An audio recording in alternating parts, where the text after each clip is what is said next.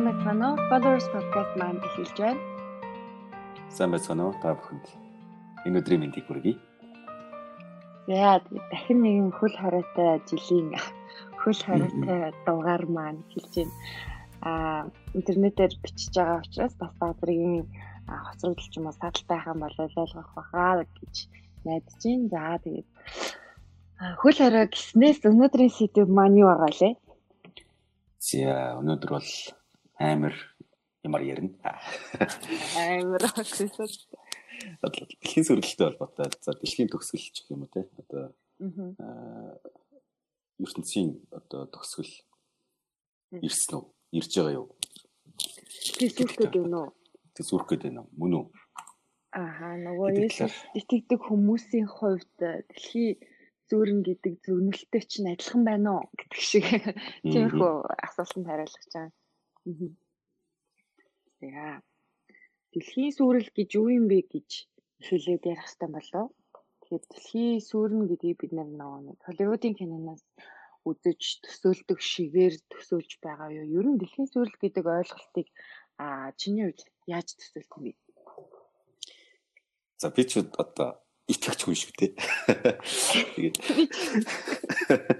итгэвч хүмүүсийн хувьд дэлхийс дэлхийн сүрэл гэдэг ойлголт бол байхгүй гэж би бод одоо одоо яг бодод нийтлэхээр одоо нэг протестантууд ч угсаа тэгж итгэдэг тийм. Тэгээд дэлхийн сүрэх тухай биш харин нөгөө юуны хувьд бүхий л бүх одоо орчлон ертөнцийн чинь бүтээл гэж одоо бид нэрлэж байгаа шүү дээ. Тэгээд бүтээлийн хувьд дахин шинжлэх тэгээ дахин шинжлэлт одоо болох тэр цаг мөч бол ирнэ. Тэр нь гэхдээ мэдээж зүгээр хүний одоо нүдэнд харагдах үс байдлаар болохоор дэлхий сүрж байгаа юм шиг маш их тийм одоо байгаа юм шиг. Тэ өвчин зовлон дайн дажин ч гэдэг юм тийм иймэрхүү одоо шинж тэмдгүүд өмнө нь илэрнэ гэж одоо библиэлд бол байдаг тийм Тэгэхээр библи учиргүй яг ингээл дэлхий сүрэл Тэгэл дэлбэрэл эсвэл эсвэл ингээл өвчин авчин дарахаал бүх хүн бүх хүн төрлөختөн бүхээл тэг.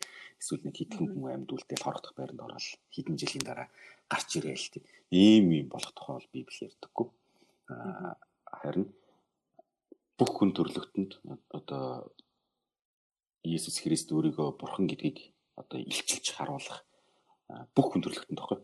Тэгэр илчилж харуулах тэр одоо хоёр дахь удаагийн ярилт бол байна. Тэр тэр цаг үеиг бол нэг нэг талаас шүүлтийн цаг хугацаа гэж нэрлэж байгаа. Бүх хүндрэлтнийг шүүн.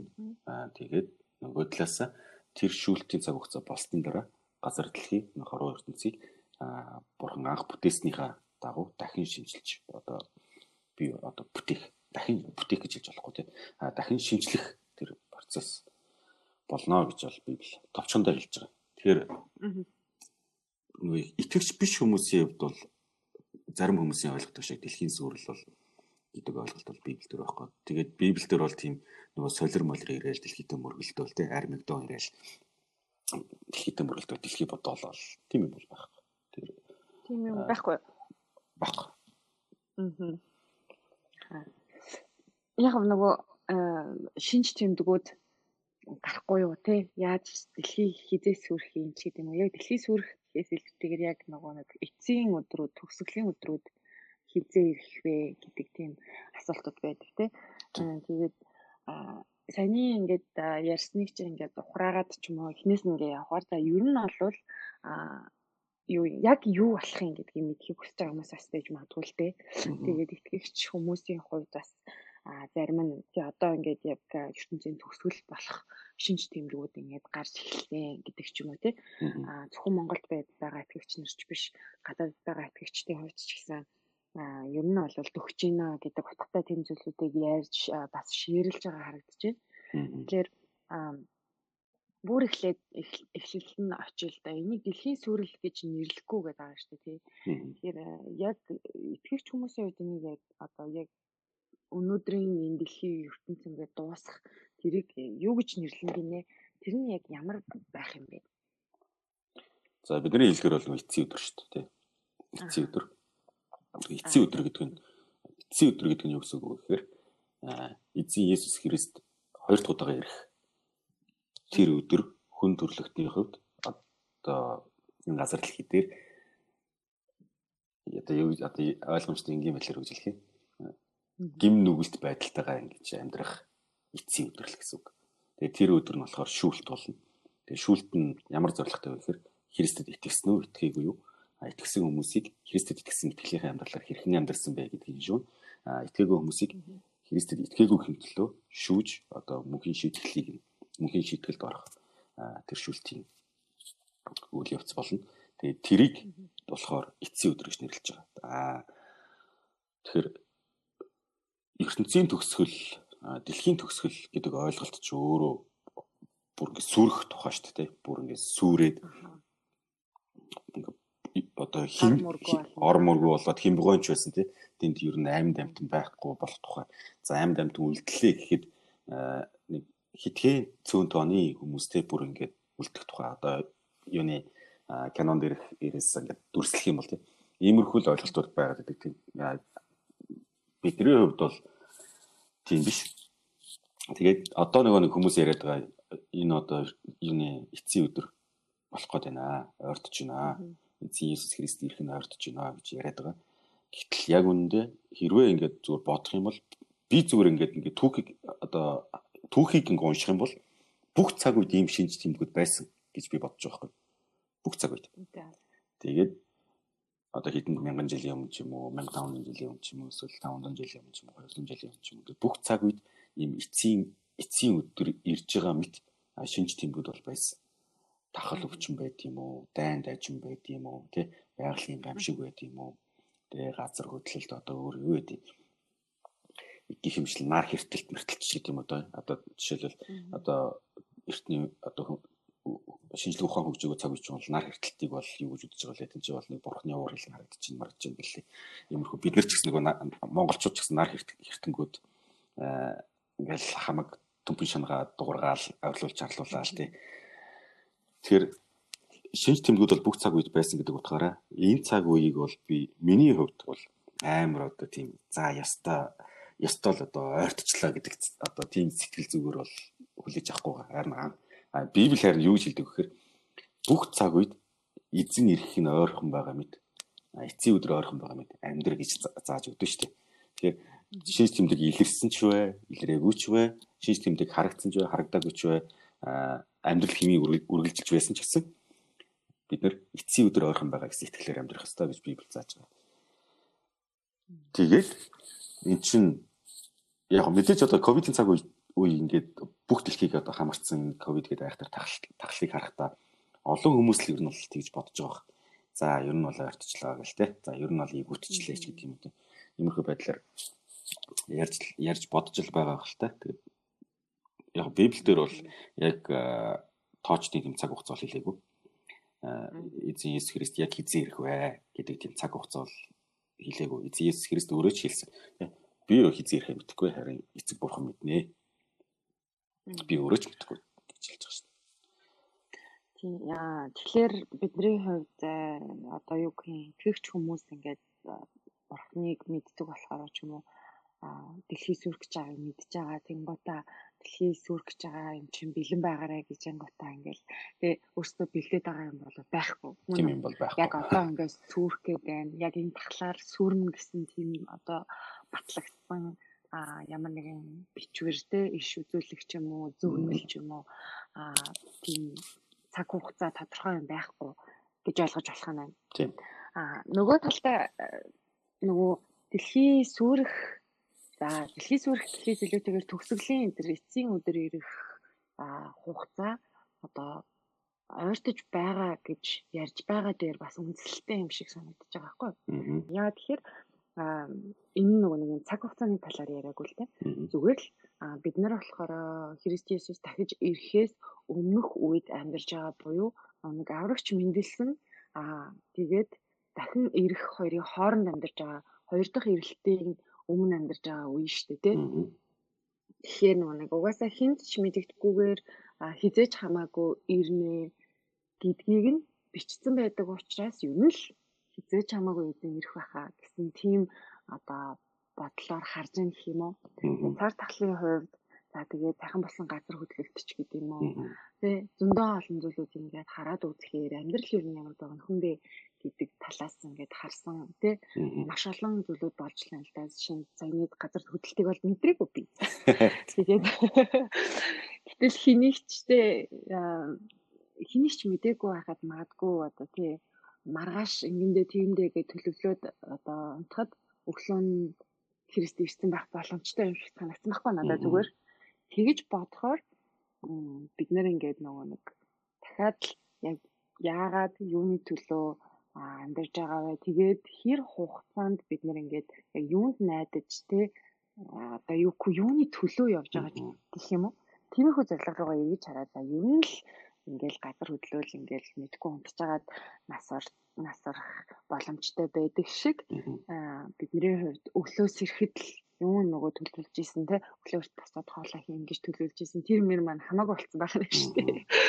Зүгээр л Христ ирсэн байх нь гэсэн тийм нөгөө бодол руу маань эргэж аваачаад а бэлэн байх ч гэдэг юм уу. Тэр талаас нь нэлээд харж байгаа. Харин яг манад бас нэг иймэрхүү одоо цар тахлын одоо юу гэдэг гамшиг тий одоо хүнд хэцүү нөхцөл байдал тулгарч ирсэн цаг одоо бидний үе одоо мэдхээр бол мэдхгүй. Тийм амар юм болж байгаа шүү дээ одоо хамгийн ойрхон гэхэд л нэг холиор гэж нэг өвчин гарч ирсэн тий тэр нэгтээ 90 донд үстэй тэгээд тийм.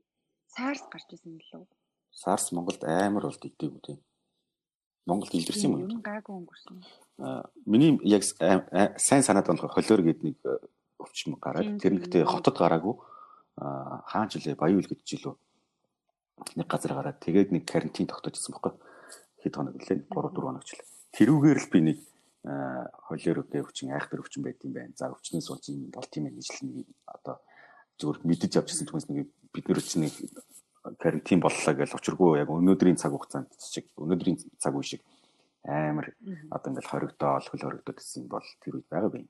Аа тэгээд би юу гэж хэлэх гээд нэхэр биднэрт нэг тийм айхтар нөгөө нэг юу байхгүй байх учраас түүхэн туршлага те биднэрт байхгүй учраас магадгүй энэ ковидын цаг үед цар тахлын үед бид нар туршлагагүйгээсээ улмаас одоо одоо бэлэн бэлэн бус байдал маань илүү байсан баг тэгээ хүлээж авах сэтгэлгээний хувьд сэтгэл зүйн хувьд ч гэсэн бас төсөөлж чадахгүйсэн баг гэж бодож байна.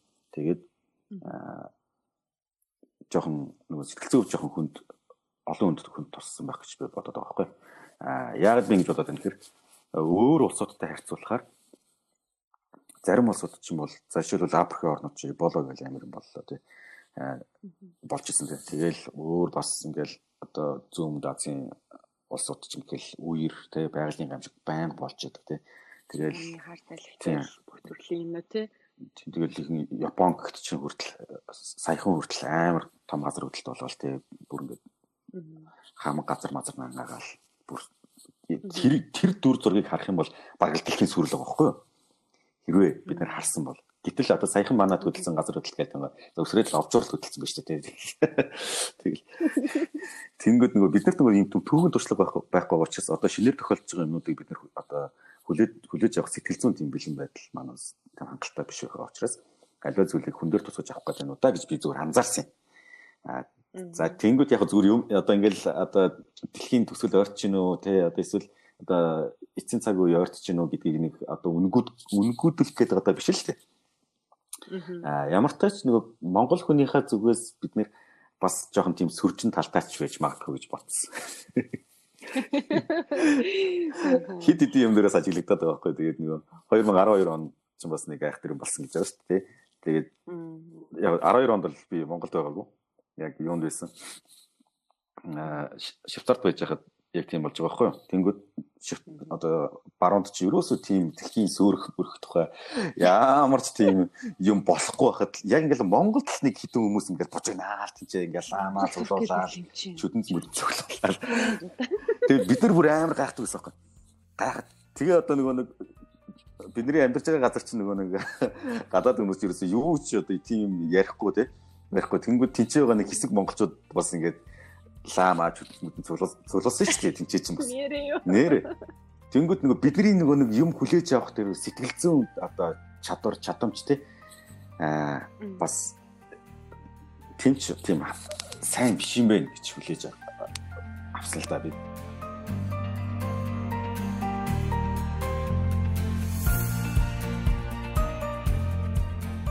Ер нь бол нэг дэлхийн сүрэл боллоо ч гэдэг юм уу? Эсвэл одоо итгэгч бидний хэлбгээр төгсгөлийн өдөр болоход цөөхөн хідэн хүн мэдэхгүй дэлхий даяараа мэднэ гэд дөрөв чи яриандаа дурлаа библиэр тэгж бичигдсэн байдаг. Те тэр талаар юм яриа.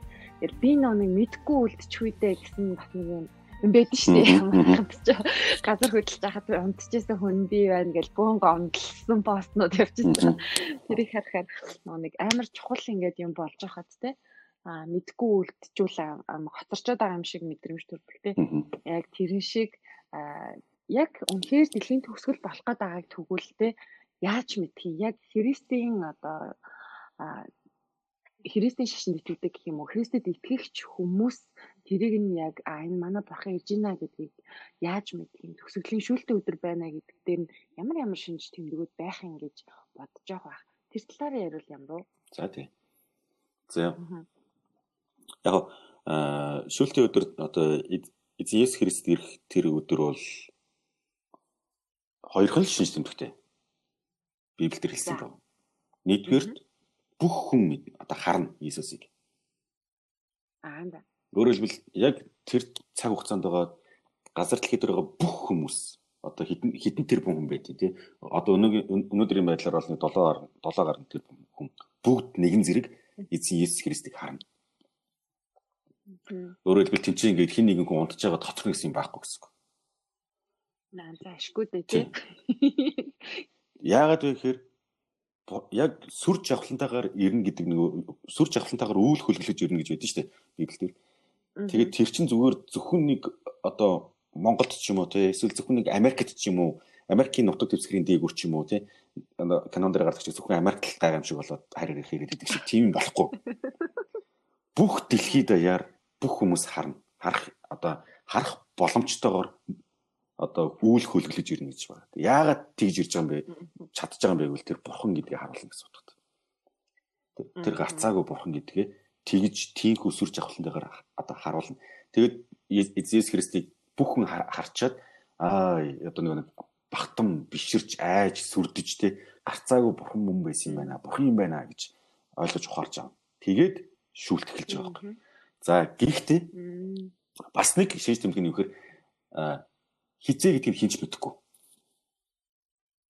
За. Өөрөөр хэлбэл хин нэгэн хүн за Есүс маргааш ирлээ. Эсвэл одоо сарын дараа ирлээ. Тэгээ 12 сарын 12-нд ирлээ ч гэдэг юм уу. Ингиж ярих боломж байхгүй. Нэг ч хүн тэгж ярих боломжгүй гэсэн үг. Тэгэхээр нөгөө нэг хулгаач хулгаач мэд гитэж гэдэг гэдэг чинь хиндэж мэддэггүйгээр гинт гинтэл сүр жавхлантайгаар орж ирэх тухай ярьдаг шинж тэм одоо яг ирчлээ гэж мэдих ганц одоо юм нь бол бүх хүмүүс л нэгэн зэрэг мэднэ гэсэн. Тэгэхээр одоо нөгөө газар зүүн байрлал, цагийн зөрөө мөрөө тий одоо үндэстэн үндэстэн соёлын ялгаа, малгай, шашин шүтлэг, мэтлэг тийч хамаагүй гэсэн.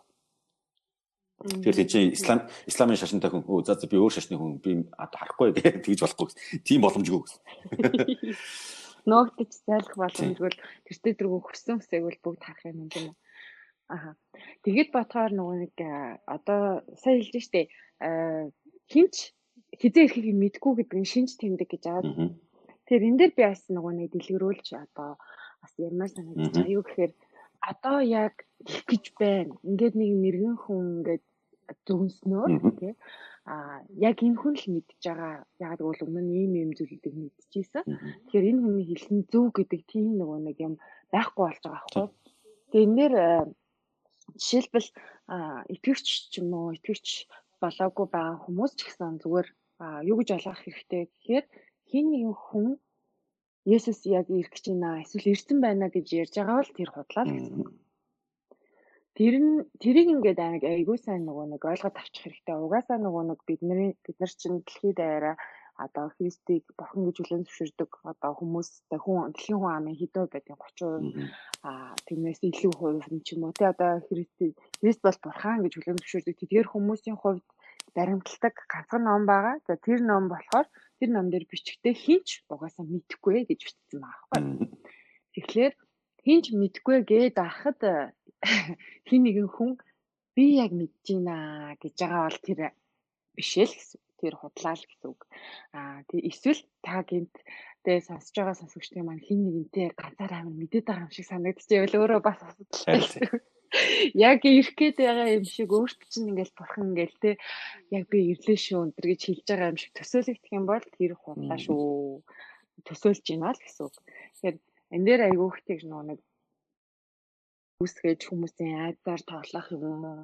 Эсвэл зүгээр л олон хүмүүсийг хуйлруулах тийм сонирхол байж болно л. Одоо нөгөө нэг сонирхолтой гачиг тавьж агаад ингээд дээр нь даруулах юм кликбейт гэж нэрлэдэг ч одоо видеонууд байдаг шүү YouTube дээр те ингээд зүгээр ийггүй олон хандлт тул олон үзэлт бол тэрэн шиг тийм байдлаар одоо ихтгэл үнэмшлийг чинь ашиглах вэ гэж бас хүмүүс анхааруулмаар байна л да.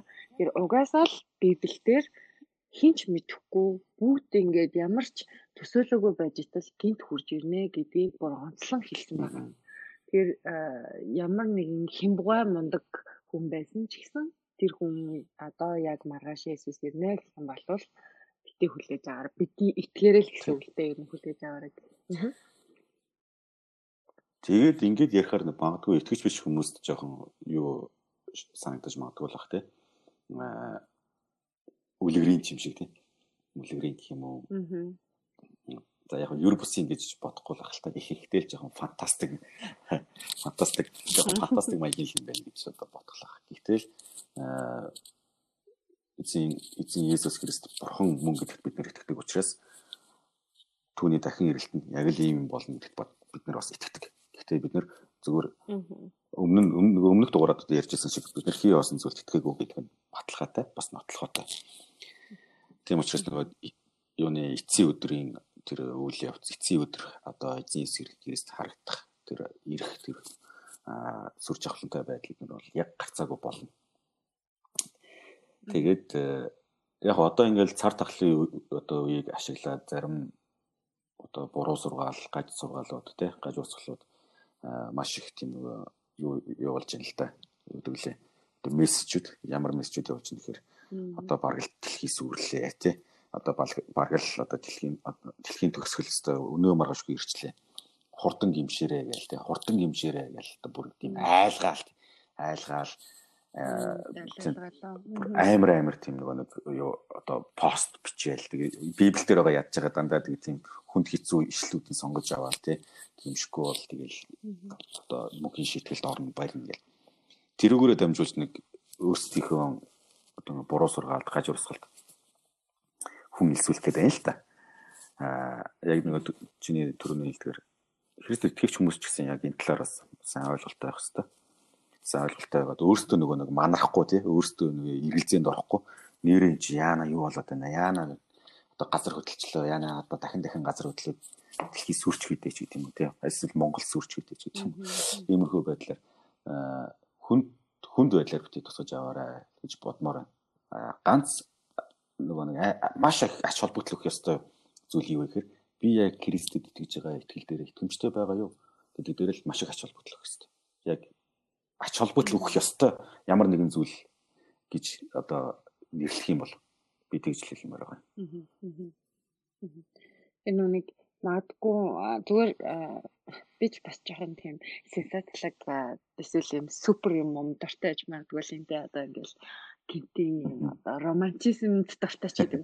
Тэгэхээр нөгөө нэг гинт ингээл тийм болол гоёо гэл ингээл төсөөлж өмсөөлдөг тийм төсөөлөн бодох чадвар аюу сайтай.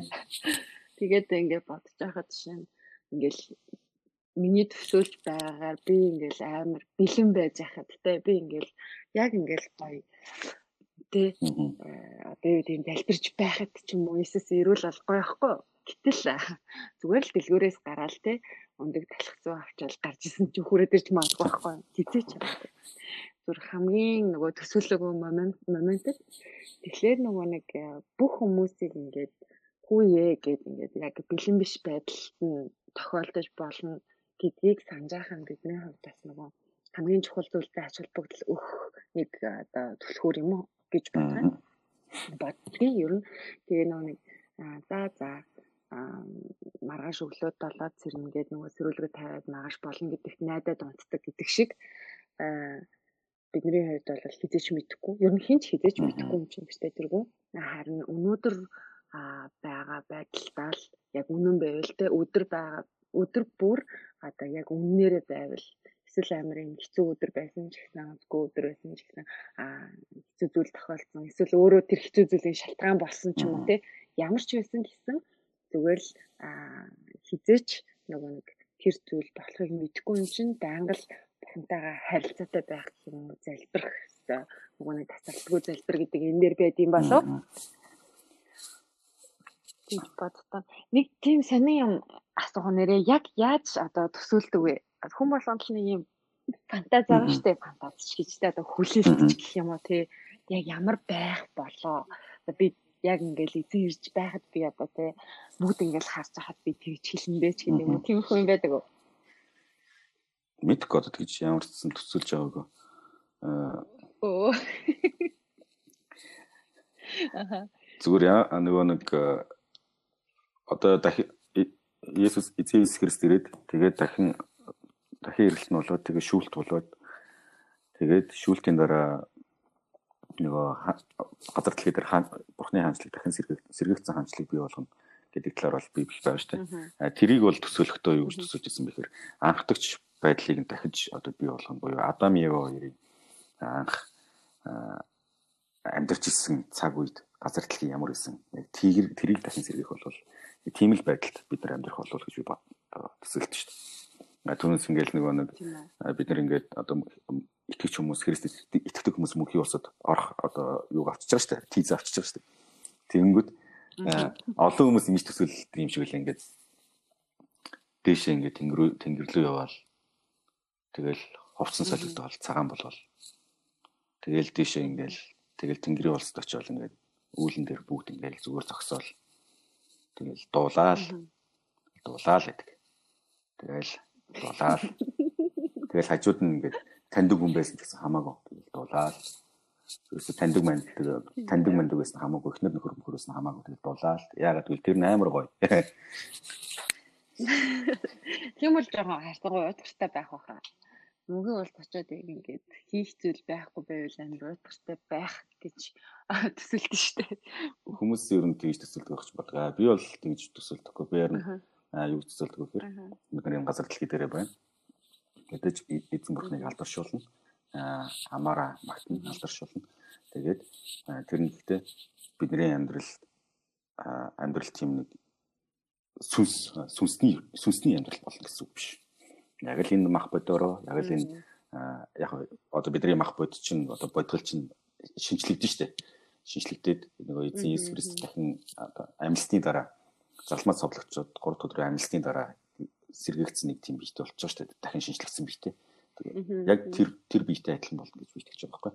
Тэгэнгүүт тийм ч нэг физикал юм шиг те тэгсэн мөртлөө ингээд ер бусын сүнслэг юм шиг ийм ингээд нэг нэгдмэл тийм ертөнцид амьдрах болоо л гэж бодсолж байна. Харин тийм бах тий одоо яг ингээд физик бийгүй болно гэж ерөөсөө хэлээгүй байх тийм бол хэлээг. Газар дэлхий дээр амьдарч байгаа бидний хувьд бидний бие махбод бол хязгаарлалт хязгаарлагдсан л байгаа шүү дээ. Аа одоо библийн нэг юу гэж тайлбарлаж байгаа вэ гэхээр гим нүгэл хүн төрлөختөнд орж ирсэнс болоод хүний бие физиолог бие махбод анхдагч бүтээгдсэн шинж чанараа алдсан. Одоо гим нүглэр бохирлогдож тий гим нүглэр бохирлогдсон учраас анхны бүтээгдсэн тэр байдал бол алдсан гэж үзэж байгаа. Тэгээд энэ маань өөрөө хязгаарлагдмал байдал буюу төгс бус тий төгс бус одоо байдалд хүрчихэж байгаа юм. Аа тэнгүүд эзэн Есүс Христ ирээд эцсийн өдөр ирээд тэгээд шүүлт болоод тэгээд өөрийнхөө хаанчлалыг тий одоо мөнхийн улсыг улсад бидний одоо оруулаа оруулах цаг мөчид бидний бие нөгөө хүн төрлөختөн анх бүтээгдэхтэй ямар бие махбодыг бүтээгдсэн яг тэр анхдагч байдлаар дахин шинжлэхтэн гэж. Тэгэхээр нөгөө шинжлэхтэн гэдэг үг маань би ямар утгаар хэлээд юм хэрэг дахиад цоошин юм хүлээж авах тухай биш харин анх анх ямар байсан бэ тий бурхан анх хүн төрлөختөний бүтэхэд яг ямар байсан бэ яг тийм л болгоно гэж би бол итгэдэг байхгүй. Тэгэхээр бид нар ингэж ярьж болно. Одоо бид нар анхдагч байдал руугаа явж байгаа хүмүүс гэж бас бод ярьж болно. Анх нөгөө тишээ авторч руугаа. Христэд итгэгчдийн хувьд те. Үйл итгэгчдийн хувьд бол бас жоохон муу мэдээ те. Тэ. Христэд Христэд итгэхгүй бол итгэхийг сонгохгүй бол мөнхийн шийтгэл буюу одоо мөнхөд зовох тэр хөв тавилан. Тэгээд энэ чинь ерөөсөө цаг хугацаа гэж байхгүй гэдэг нь хамгийн амжилттай.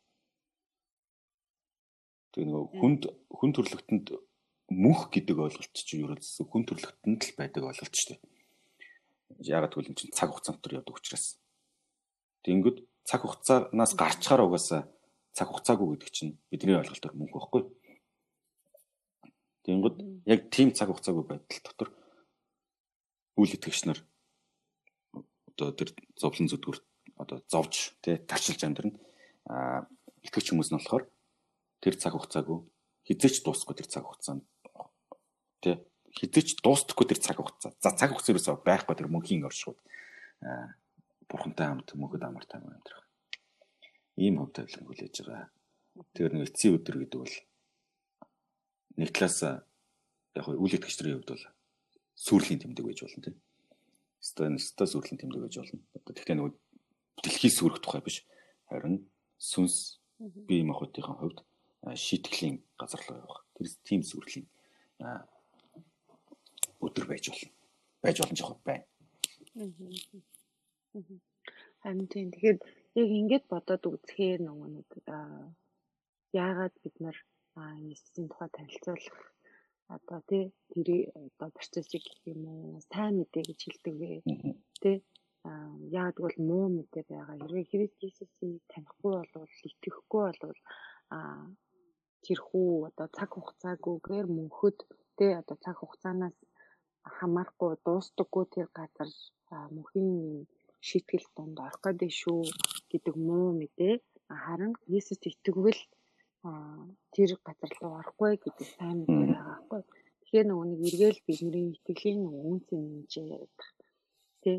Жишээ нь итгэвч хүмүүсийн үед яг зөвхөндөө ингээд Иесус Христ бол миний бурхан ингээ хүлээж аваад амаараа ингээд би итгэвчээ гэж ингээд томхлоод ингээ аврагдана гэж ярьдаг шүү дээ.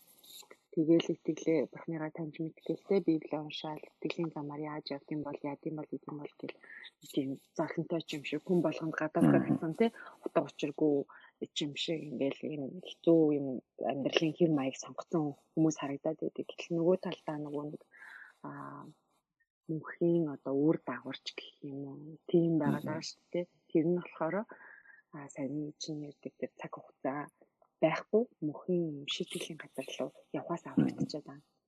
Тэгэхээр энэ дэлхий дээр чинь нэг өнгөрөөж байгаа цаг хугацаа чинь хүн болгоны цаг хугацаагүй мөнхийнтэй харьцуулах юм дөрмөн шүү дээ. Урт наслаа гэхэд л одоо хэдийн мэдгүй 100 муу наслаа. Тиймэрхүү л байна хамгийн урттаа. Тэгээд за тэгээ 90-с хойших жил нь амар тийм гоё эрүүл мэндтэй байхгүй л ах тий өвөрж өтлөөл амар хэцүү байх ба. Ахаар нь мөнхийн тэр шинчлэгдсэн одоо анх бүтээгдсэн үеийн жишээ буюу цаа эрүүлтэй ингээд гоё одоо шинэ бие махбодтойгоор мөнхийн мөнхөд амьдрах тэр зүйлийг бидэнд авсан гэж итгэдэг учраас бас авсан гэдэгтээ бат итгэлтэй байдаг учраас нөгөө өнөөдрийн нэг дэлхий дээр өнгөрөх 70 80 90 100 жил бол амар хэцүү санагдахгүй байна.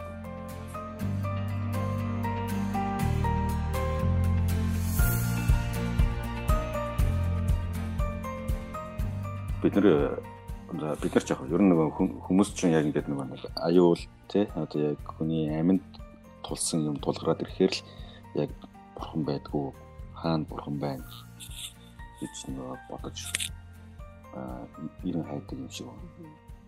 Аа яг ихэнх хүмүүс яв тий одоо тэнгүүд зарим нэг хүмүүс биднийг бол тий одоо зүгээр амьдралын үйл явц хэвийн одоо өрнж явах одоо ковид хүч гэдэг юм уу цар тахал хүч гэдэг юм уу тий гайг амьсаг хүч гэдэг юм уу газар хөдлөлтгүй ийм цаг үед бол биднийг бол тэнийг мангаараар нь дуудаж иж дуудаж исэн хүмүүс яг ингээл ковидын цаг үе хөл яг хаалган дээр тий ингээд ирцэн тий хизээч хамаагүй хинэг ч ялахгүй тий нөгөө ламан вэ нөө харн вэ нөө дарга вэ нөө цэрэг нь нөө хинч вэ ковидоор өөх боломжтой цар тахлаар өөх боломжтой ийм цаг үед тулгараад ирэхээр магадгүй яг яг бурхан бурхан хаана юм гэж бодож иж магадгүй. Тэгээд Иесусийн юу гэж ярьтیں۔ Буддийн юу гэж ярьтیں۔ Тэ исламын одоо лалын лалын ертөнцийн юу гэж ярьтیں гэж магадгүй эрэлхийлж иж магадгүй гэж би бодож байна. Тэгээд хэрвээ тийм хүмүүс сонсож байгаа бол аль алиг нь бас судлаад үзэрэй гэж би бол хэлмээр байгаа байхгүй юу? Аврал яг хинд байна вэ гэж бодож асууж танд асуулт байгаа бол яг библ библийн дээр сургаалыг библийн он сургаал дээр тулгуурлаад яг энэ авралны юу юм бэ гэдгээс бодож тунгаж үзээрэй гэж хүсэж байна. А итгэж хүмүүс ч гэсэн бас хамаатай. Итгэж хүмүүс ч гэсэн өөрсдийнхөө онол гэж бодолсон биш онол итгэл итгэл үнэмшлийг сайн батжуулахын тулд яг энэ талаар бас хоцтой бодох хэрэгтэй. А зүгээр ингээд нөгөө нэг өдөр тутмынхаа одоо ингээл амьдралд унж босоол те одоо бузар мотой хутгалдаал хутгалдаал гимшээл тэгээд за гимшээл тэгээд дахиад хутгалдаал ингээд нэг тийм ингээд тойр тойр амьдарч байгаа хүмүүс байвал одоо тийм амьдралаар амьдрахаа болоорой.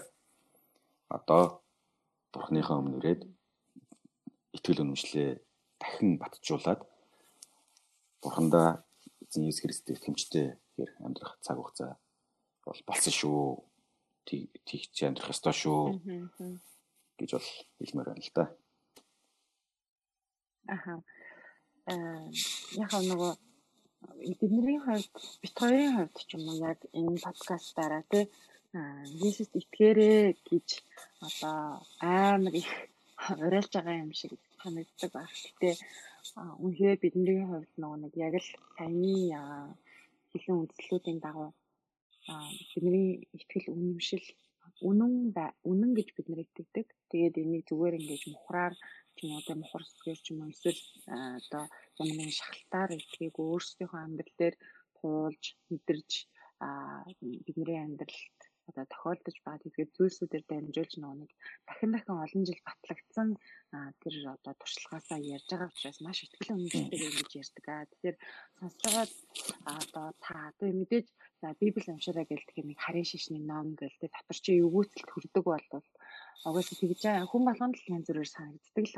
Гэтэ айгу ятгамаар байгаа юм. Зүгээр ямар ч шахалт байхгүй, дарамт байхгүй уншаад үзэх хэрэгтэй уншаад үзэх хэрэгтэй. Бид нэр эргэлзэх эрхтэй ахгүй юу? Одоо юм бүх юмд эргэлзэх эрхтэй тий. Аа жоохон бахта энэ хоёр хүн миний аав ээж хоёр яг мөн болов гэж хэлж ач шигтэй яа гэдэг шиг бүх юмд эргэлзэх эрхчлөө биднэрт байгаа шүү дээ. Бас сонголт хийх эрх чөлөө байгаа гэж би бодсон байхгүй. Тэгэхээр угаасаа л бид нэр бидний хувьд бол Иесуст итгэх үү итгэхгүй юу гэдэг сонголт байсан. Бид нэр тулгыг тулгар одоо ингэж тулгуулаагүй тий хүчээр ингээд буу толгуулж байгаа за Иесус шийдээгүй хүмүүс байхгүй. Тэгэхээр сонголт байгаа. Аа тэгээд бас цаг хугацаа богино байна гэж хэлж айлхтаагүй зүгээр л заавалчгүй одоо ухамсарт хүнийхээ хувьд те Библи гэдэг их хэлтэйшин бичигдсэн номыг нэг удаа уншаад үзсэн байх ёстой гэж би бол бодод байгаа. Ялангуяа тэ одоо юу гэх юм мэдгүй одоо Библи уншвал ядаж нөгөө нэг үзэж байгаа кино чинь илүү ойлгомжтой байна ч гэдэг юм. Одоо тиймэрхүү дээр бүгдийг ярьдаг хгүй яг гэвэл нөө бүх юмнуудыг ингээд библиэс санаа авсан юм холбоотой байдаг. Эсвэл зүгээр хүмүүсийн хэлж байгаа хэлц үг тэ англи хэл сурах гэж байгаа залуучууд кино үздэг, дуу сонсдог бол тэн дээр байдаг тэ аа игнүүдийг нь утгыг нь библи мэддэг хүн илүү ойлгох боломжтой. Яг гэвэл нөгөө соёл нь шингэсэн байдаг учраас жишээ нь одоо ихэнх цуврал кинон дээр төгсгөлийн оройн зог тэгээ сүүлчийн оройн зог гэдэг анги барьж жишээтэй одоо юу гэдэг те төөрсөн хүүр гэдэг ч юм уу те маш олон одоо тэр утгыг нь ойлгодог бол тэр санааны киног аль хэзээ ингээд илүү гүнзгий ойлгохоор ч юм уу тиймэрхүү зүйлүүдийг шингээгээд өгсөн байдаг л та. Тэгэхээр энэ олон юм яриад юу хэлдэг байгаа юм гэвэл би ятгаж байгаа ятгаж байгаа нь юу гэж ятгаж байгааг гэвэл Есүст ингээд зүгээр шууд итэг гэхээс илүүтэйгээр эргэлдэж үзээрэй те уншиж үзээрэй. Тэгээд урьсан зүйл чинь эргэлзээтэй санагдах юм бол тэрийгээ судалж үзээд хиний итгэгч хүнтэй ч юм уу те ярилцаараа бид нар лөө бас имэйл явуулж болно. Аа тэгээд яг уу заавал итгэх ёстой гэхээс илүүтэйгээр хэрвээ туршиж үзээгүй бол тий Есүс гэж нэрийг яг юу юм болоо гэж бодож үзээгүй байвал яа бодож үзэж болохгүй гэж маш сонир зүйл олгох юм билүү те.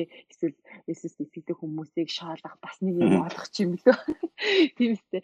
Тэгэхээр аа тэгэж ятгамаар ам бэ нөгөө талдаа итгэгч хүмүүсийн хувьд бид нар сая хэлсэн шиг те. Зүгээр л юм өдөр бүрийнхэн юм ингээл бодоол ингээд амьдраад байх бишээр биднэрт байгаа өгөгдсөн байгаа итгэл авалт гэдэг зүйл маань ямар гоё үнцэнтэй юм бэ те. Бүр мөнхийн үнцэнтэй юм бэ гэдгээ бас мэдэрч баяр хөөртэй байгаарай гэж уриалмаар байна. Амен. Тэгээ нэг нэг түрүүнийг би асуулт асуугаад тэрийг өөрөө хариулаагүй явчихжээ. Зүгээр нөгөө нэг би болохоор ингэж төсөлдөг байхгүй яаж ингэж эцэг өдөр гарах тухай фантастикаар зүгээр бүх хүн ингээд ингэж ааш тээ бүр өвдөг бүх хүн ингээд цөөхөн гэж зүвэдэж штэ тэрэн дээр одоо итгэж байна итгэж биш байна уу? Хамаагүй угаасаа байсан юм байна штэ гэж айж имэж оройтсон ухаарж гимших өвдөх сүгдөх а бидний хувьд одоо хүндэлжтэй бурхан маань ирлээ гэж те биширж талархаж хүндэтгэж өвдөх сөхрөх байж магадгүй л те а зүгээр би яг тэгээд биднийг одоо тий итгэгч хүмүүсийг бурхан өөрлөгөө авч байх тэр процесс эргэн тойрноо харахад миний хайрладаг хүмүүс мөнхийн шийтгэл рүү явах тэр сонголтыг өөрсдөө хийгээд бити үлдээсэй гэж боддог байхгүй юу. Ингээд хаагцчихж байгаа штэ тэнцээ чинь амар хэцүү үстэй тэнцээ чинь. Тэгэхээр миний найзууд одоо юу гэдэг тэр хүмүүстэй би би чамд хэлсэн штэ гэж хэлмэрг байгаа байхгүй а нөгөө талдаа бүр ингээд амар элэг дог хийжтэй ингээд бүр юугүй тийжсэн хүмүүс хүмүүстэй би хэлээд дээ гэж чи сэтгэлээсээ хэлмэр ч юм шиг байрлаа шүү дээ. Уухаа тийм хитэ санагцсан үедээ тэгж бодсон. За яхаа тэгээд бурхан ихээр чи өөрөө мэдэн за гэж байгаа ч юм шиг. Ярд тэгээд бурхан шодрог болохоор тэгээд нэг нэг нүүртэл харахгүй тий. Бүр зарим зарим хүмүүсийг бол тийм хийж байгаа шүү дээ. Э танихгүй гэж хэлнэ гэж байгаа шүү дээ. Тэгээд огт танихгүй гэж огт танихгүй ямар хүмүүсийг хэлэх вэ гэсэн чинь Иесийн нэр дээр залбирдаг, Иесийн нэрээр иш үзүүлдэг тий. Одоо Иесийн нэрийг одоо тгийж исэн, гайхамшиг үлж исэн тийм зарим хүмүүсийг хүртэл Иесус танихгүй гэж хэлнэ гэж байгаа. Тэнгүүд зүгээр нөгөө нэр төдий биш юм байна гэдгийг бас ойлгох хэрэгтэй болчиход байгаа. Есүст итгэнэ гэдэг чинь зүгээр нэр төдий. Би Есүст итгэдэг хүн шүү дээ гэж зүгээр л ярьдаг ярьдаг хүний тухай биш. Энэ харин яг Есүс итгээд итгэлснийхээ улмаас амьдралд нь гарч байгаа бүх сонголт, шийдвэр тий амьдралын зан үйл нь тэр итгэлээс нь болоод одоо өрнөдөг. Тим хүний тухай бол Библи хэлдэг байхгүй. Тэнгүүд зүгээр нэг Есүсийн нэрийг ашиглаад гэдэг юм уу? Есүсийн нэрийг одоо дуудаад тий. Тэгтээ цэвэр итгэл байхгүй, жинхэнэ итгэл байхгүй. Тийм хүмүүсийг бол Есүс бүр уучлаарай би чамд танихгүй. Чи миний нэрийг дуудсан гэсэн би чамд танихгүй байна. Яг л чи жинхнээс итгэхгүй байна гэж хэлэхдээ агаар нэг юм болно гэж одоо Библи хэлж байгаа юм. Тэгэхээр итгэл гэдэг бол яг л нэг нэг бүрэн найдах тий бүрэн одоо юу гэдэг а зүгээр л одоо шууд одоо хүлээж авах ч гэдэг юм уу. Тэгээд тэр нь ингээ амьдралд ингээ харагдав. За Иесус бурхан. За би итгэж байна. Тэгээд итгэлийнхаа дагуу би ингэж үлдэнэ, ингэж хэлнэ, ингэж ярина, ингэж амьдрна. Миний амьдралын хэм маяг итгэлийнхаа дагуу яг ийм байна. Яагаад гэвэл би итгэж байгаа учраас. гэдэг амьдрал юм болов болооч биш угаасаа амьдрал. Тэгэхээр нөгөө нэг зарим нэг хүмүүсийн хэр би уг нь итгэвч штэ 20 жилийн өмнө сүмд явж исэн байхгүй юу? Тийм юм харагдана. Тийм гэж байхгүй гэж би боддог. Бас яг ингээ бодглохлоор те хинч одоо амар сайн би бол яг гарцаагүй тэнгэрийн улсуудаар 8 мундаг итгэвч гэж хэлгээд нэг жоохон хэцүү шттэ. Одоо юу гэдэг за мэдхгүй одоо бит хоёрын хувьд те тэгж хэлжиж магадгүй юм бол та. Гэтэл сонсож байгаа хүмүүс маань нэрээ би тэнгэрийн улсад орох болов гэж бодох тий тийм зүйлүүд байж болох юм. Тэгэхээр юу гэж хэлэх гээд байна гэхээр нөгөө тэр хүн яг үнэхээр чин зүрхнээсээ итгэж гин үгүй итгэсэн үгүй юу гэдг нь одоо бурхан л мэдж байгаа. Аа гэх юм одоо юу мэдээж амьдралын үр жимстэй өөрчлөгдсөн байна уу энэ тэрэг тэгээд хатаа гэхдээ магадгүй одоо хин нэгний та бүхний хүндэлдэг амар намдаг итгэж гэж боддог байсан хүн яг тэр төгсгөлийн өдөр болоход аа чи миний төлөө тэгээгүй те магадгүй өөр хөдлөө ингэжсэн шүү дээ гэж хэлээд үлдэх чинь билүү юу болохыг бид мэдэхгүй байхгүй яг үнэндээ. Гэтэл өсөн зузаанд явдаг хин нэгэн хүнийгтэй энэ ч болоогүй те гэж бодоол те. Өөрөө ингээл янз бүрээр үнэлж дүгнэж байдаг байсан хүн чинь амар ихтэй байгааг үүсэхгүй байхгүй. Тэгэхээр нөгөө нэг бурхан айтал хардаггүй шудраг гэдэг тэр нөгөө янз бүрийн одоо арын хаалгач гэх юм уу те хүний хүний хардгийг хардаггүй зүрхэн дотор байгааг хардаг нь хамгийн сайхан юм да. Энэ нөгөө нэг айгүй гоё юм тайвшралт болж өгдөг. Яг хин яг жихнээсээ итгээд байгаа хин яг магадгүй өөрийн эрх ашигын төлөө тий зүгээр юм хувийн аминч хүслийн төлөө ингээд зүгээр шашинсан байдлаар сүсгэлж явж байгаа юм тий тэр болгоныг бурхан мэдж байгаа нь бидний хувьд айгүй гоё хамар тайван тэгээд хэлэх гээд байгаа нэг зүйл маань юу вэ гэхээр итгэгч хүмүүс ийм байдаг юм байна гэж итгэгч хүмүүсийг л мэдээж харна. Гэхдээ эцсийн яг үнэхээр тэр хүн бурхан итгэсэн байна уугүй юу гэдгийг бурхан л мэдэх учраас итгэдэггүй хүмүүс сонсож байгаа болвол за итгэгч нар ийм штэ гэж ерөнхийлж битээ дээрээ л бичлэх гээд байна. Тэр хүн одоо дүнгиж тэгсэн ч ажил нь ямар ч байж болно да. Тэглээгээ тэр хүний хийж байгаа таалагдахгүй байгаа зүйлийг өмөрж байгаа юм биш. Ер нь хүнээр нь дүгнэхээс илүүтэйгээр би юу гэж хэлдэг вэ гэхээр библи уншвал илүү өөрөө ингээд хэрэглээрээ тий а ийм байна тийм байна гэх юм болов а нөгөө талдаа итгэгч шин итгэгч хүмүүс маань юу одоо юу гэх шинээр дөнгөж бурхан итгэж таньж мэдэж эхэлж байгаа хүмүүс өөрөөгөө бити амар ингээд өө тэгвэл би угаасаа орж чадахгүй байна уу? ч гэдэм үү те тэгж бити бодоос. Энэ дээр ганцхан шалгуур байгаа нь итгэл гэдэг шалгуур байгаа те итгэж гэнэ үгүй гэдэг л яг чинь итгэл итгэж гэнэ үгүй гэдэг шалгуур байгаа.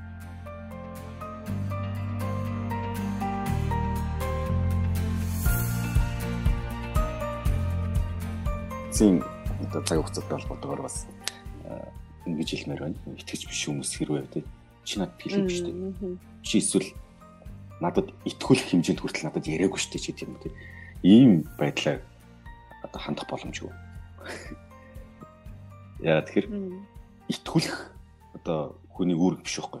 Одоо сайн мэдээ ярих нь сайн мэдээ хин нэг хин нэгэнд ярина гэдэг тэр хүнийг итгүүлэх үүрэг хүлээгээгүй. Харин сайн мэдээ сонсож байгаа хүн итгэх үүрэг хүлээж байгаа байхгүй. Тэгээд сонголтолтой. Гэхдээ нөгөө нэг авралынхаа өмнө очихдоо энэ хүн намайг итгүүлээгүй шүү дээ гэж ерөөсөө ярих боломжгүй тий. Энэ хүн намайг надад надад итгэх хэмжээнд хүртэл яриаг учраас би итгээгүй байхгүй. Тийм учраас энэ чинь шудраг биш байна гэдэг юм тий. Иймэрхүү байдлаар ярих боломжгүй. Бүх хүнд боломж байсан. боломж байна гэдгийг одоо Библи хэлж байгаа. А тэгээд Библи бас нэг хэлдэг юм нь юу лээ?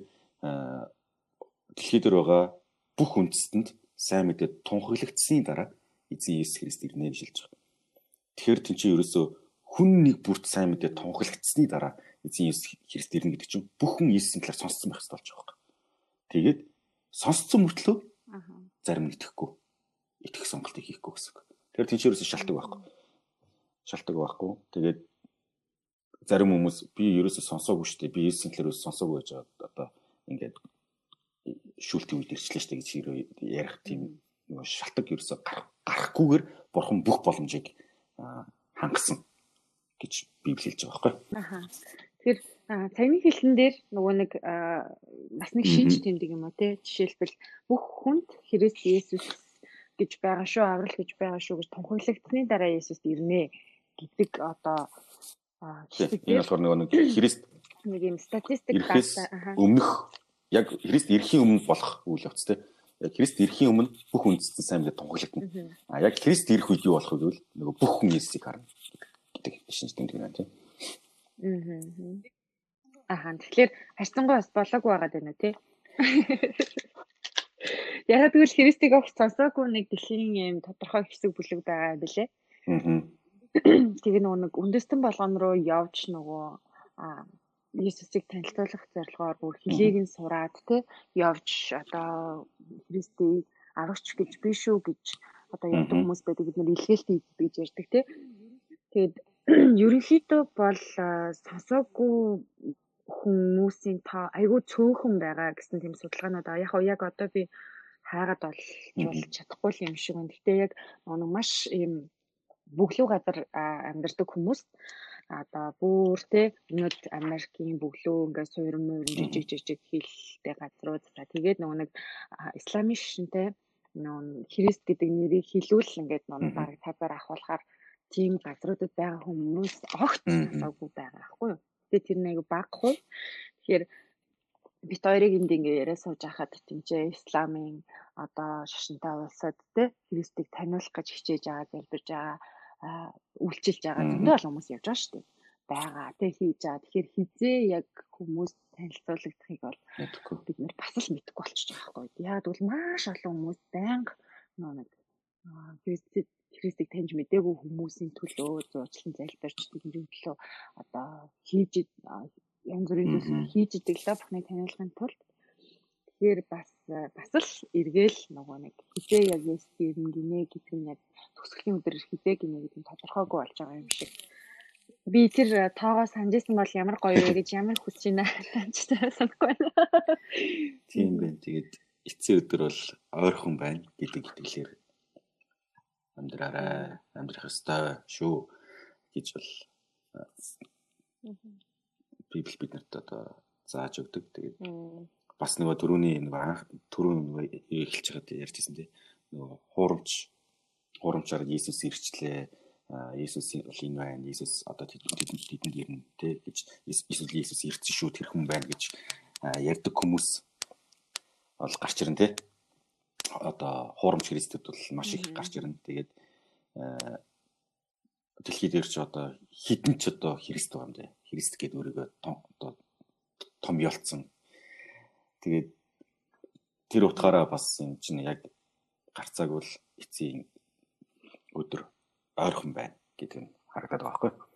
Яг тэр нөө шинж тэмдгүүдийн талаар ч юм уу яг төгсгөл дэлхийн төгсгөл юм байх болно, суурил юм байх болно гэдэг талаар библиэд маш их бичсэн байдаг учраас эргээд яг хизээ юм болоо гэж сониучрах байгаа хүмүүстэй хамбал библи уншаарай л гэж төлгөө те.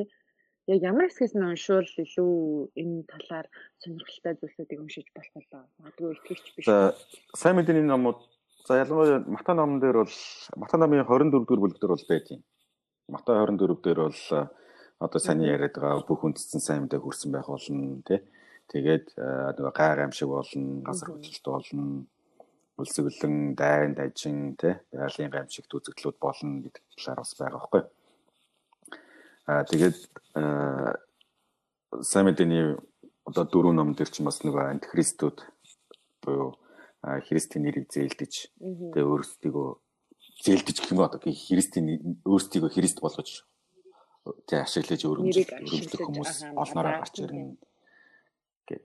За бүр ингээд одоо нөгөө юу утгаар нь одоо юу гэдэг апокрипик тийм талаас нь одоо уншиг юм бол илчлэлт ном байна, Даниэл ном байна. Тэгээ Хизкeel ном байна. Ингээд унших юм бол яг нөгөө илчлэл ном илчлэл ном дээр гарч байгаа тэр дүрслэлүүд одоо болох үйл явдлууд тий одоо эцсийн цаг хугацаанд бол болно гэж хэлж байгаа. Яг тэр илчит ном дээр гарч байгаа юмнууд бол шууд шууд утгаар нь бол хүлээж авах боломжгүй. Яг тэр чинь өөр нөө зохиол авто зохиолын жанр нь өөр өөр өөр бичигдсэн. Манай нөгөө нэг онон мөрний цаанаас бүрт чон гоом орлох хоёр гэл эхэлдэж штэ манайх чинь. Тэрнтэй адилхан л бичигдсэн. Тэр чинь чон бууг хоёр байгаа. Бид нар хэзээ чон бууг хоёроос төрөөгөө штэ. Тэрийг бид нар юу гэж ойлгодог вэ гэхээр тэр чинь бол нэг одоо домогжуулж те ингэж зөөрлөж те одоо тийм метафор отогоор оруулж бичсэн гэдгийг хүн болго мэдчихэж байгаатай адилхан илчил номон дээр илчил номыг бас библийн илчил номыг Даниэл номыг номыг бас яг тэгж бичсэн. Тэнгүүд энийг бид нэр хэрвээ ингээ ойлгочих юм бол ичт номыг уншихтаа аа юу яриад байгааг бид угаасаа мэдэхгүй тийм маш их юм гарна. Яг тэр бид чинь тухайн цаг үед нь амьдарч байгаагүй. Тухайн цаг үед нь ойлгодог хүмүүс одоо юмар яг Одоо жишээл бид нэр гадаад хүнд гоо морлол гэдэг ярангуй юу юм гэдэг гайх ш гоо морлол гэдэг. Орчуулад хэлсэн ч гэсэн тий яг юу юм тий. Марл гэж юу юм. Тэгээ марл нь уртаа гот болохоор яах юм. Гот болохоор яах юм гэл. Аха. Энийхээс болохоор Матай номыг унших юм байна. А Даниэл Зикел илчлэл номнууд дээр байгаа юм байна. Шинэ гэрээний бас дөрвөн ном дээрээс байгаа юм байна. Тэгэхээр энэ нэг нэг хүн надад тэгж асууж байсан. Энэ олон номнуудыг нь хаанаас ингэж олж авах вэ гэд. Тэгэхээр нөө ном гэж яриад байгаа нь Библи дотор байдаг нөгөө бүлэг шиг байхгүй юу? Дээл алгачих хэрэгтэй юу нь бол. Тэгэхээр ариун Библийг ингээд хэрвээ гэрт чинь байгаа бол тэр дотор саяны хэлсэн зүйлүүд бүгдээрээ байгаа. Тэгээ бас аппликейшн байдаг. Ариун Библи гэдэг аппликейшн байгаа. Гоё яс бүр сонсож сонсож болдог. Янз бүр байгаа. Тэгэхээр сонирхож байгаа бол аппликейшнийг нөгөө татаад авчиж болж байна. За тэгээд библ цаасан библ гэрт чинь байдаг бол те таны бүлгүүдийг бас харж болох нэ. За тэгээд яриад байвал бас тасгүй юм шиг байна. А имэйл хаягаа бас энэ подкастын юм гэдэг нь тайлбар дээр нь бас биччихэн. Тэгээд үнэхээр санал бодлоо чөлөөтэй илэрхийлж хуваалцаж бас асууж болно шүү гэж хэлмээр байна. Хамт байсан сонсогчдоо маш их баярлалаа. Баярлалаа. Тэгээд дараагийн дугаар хүртэл баяртай.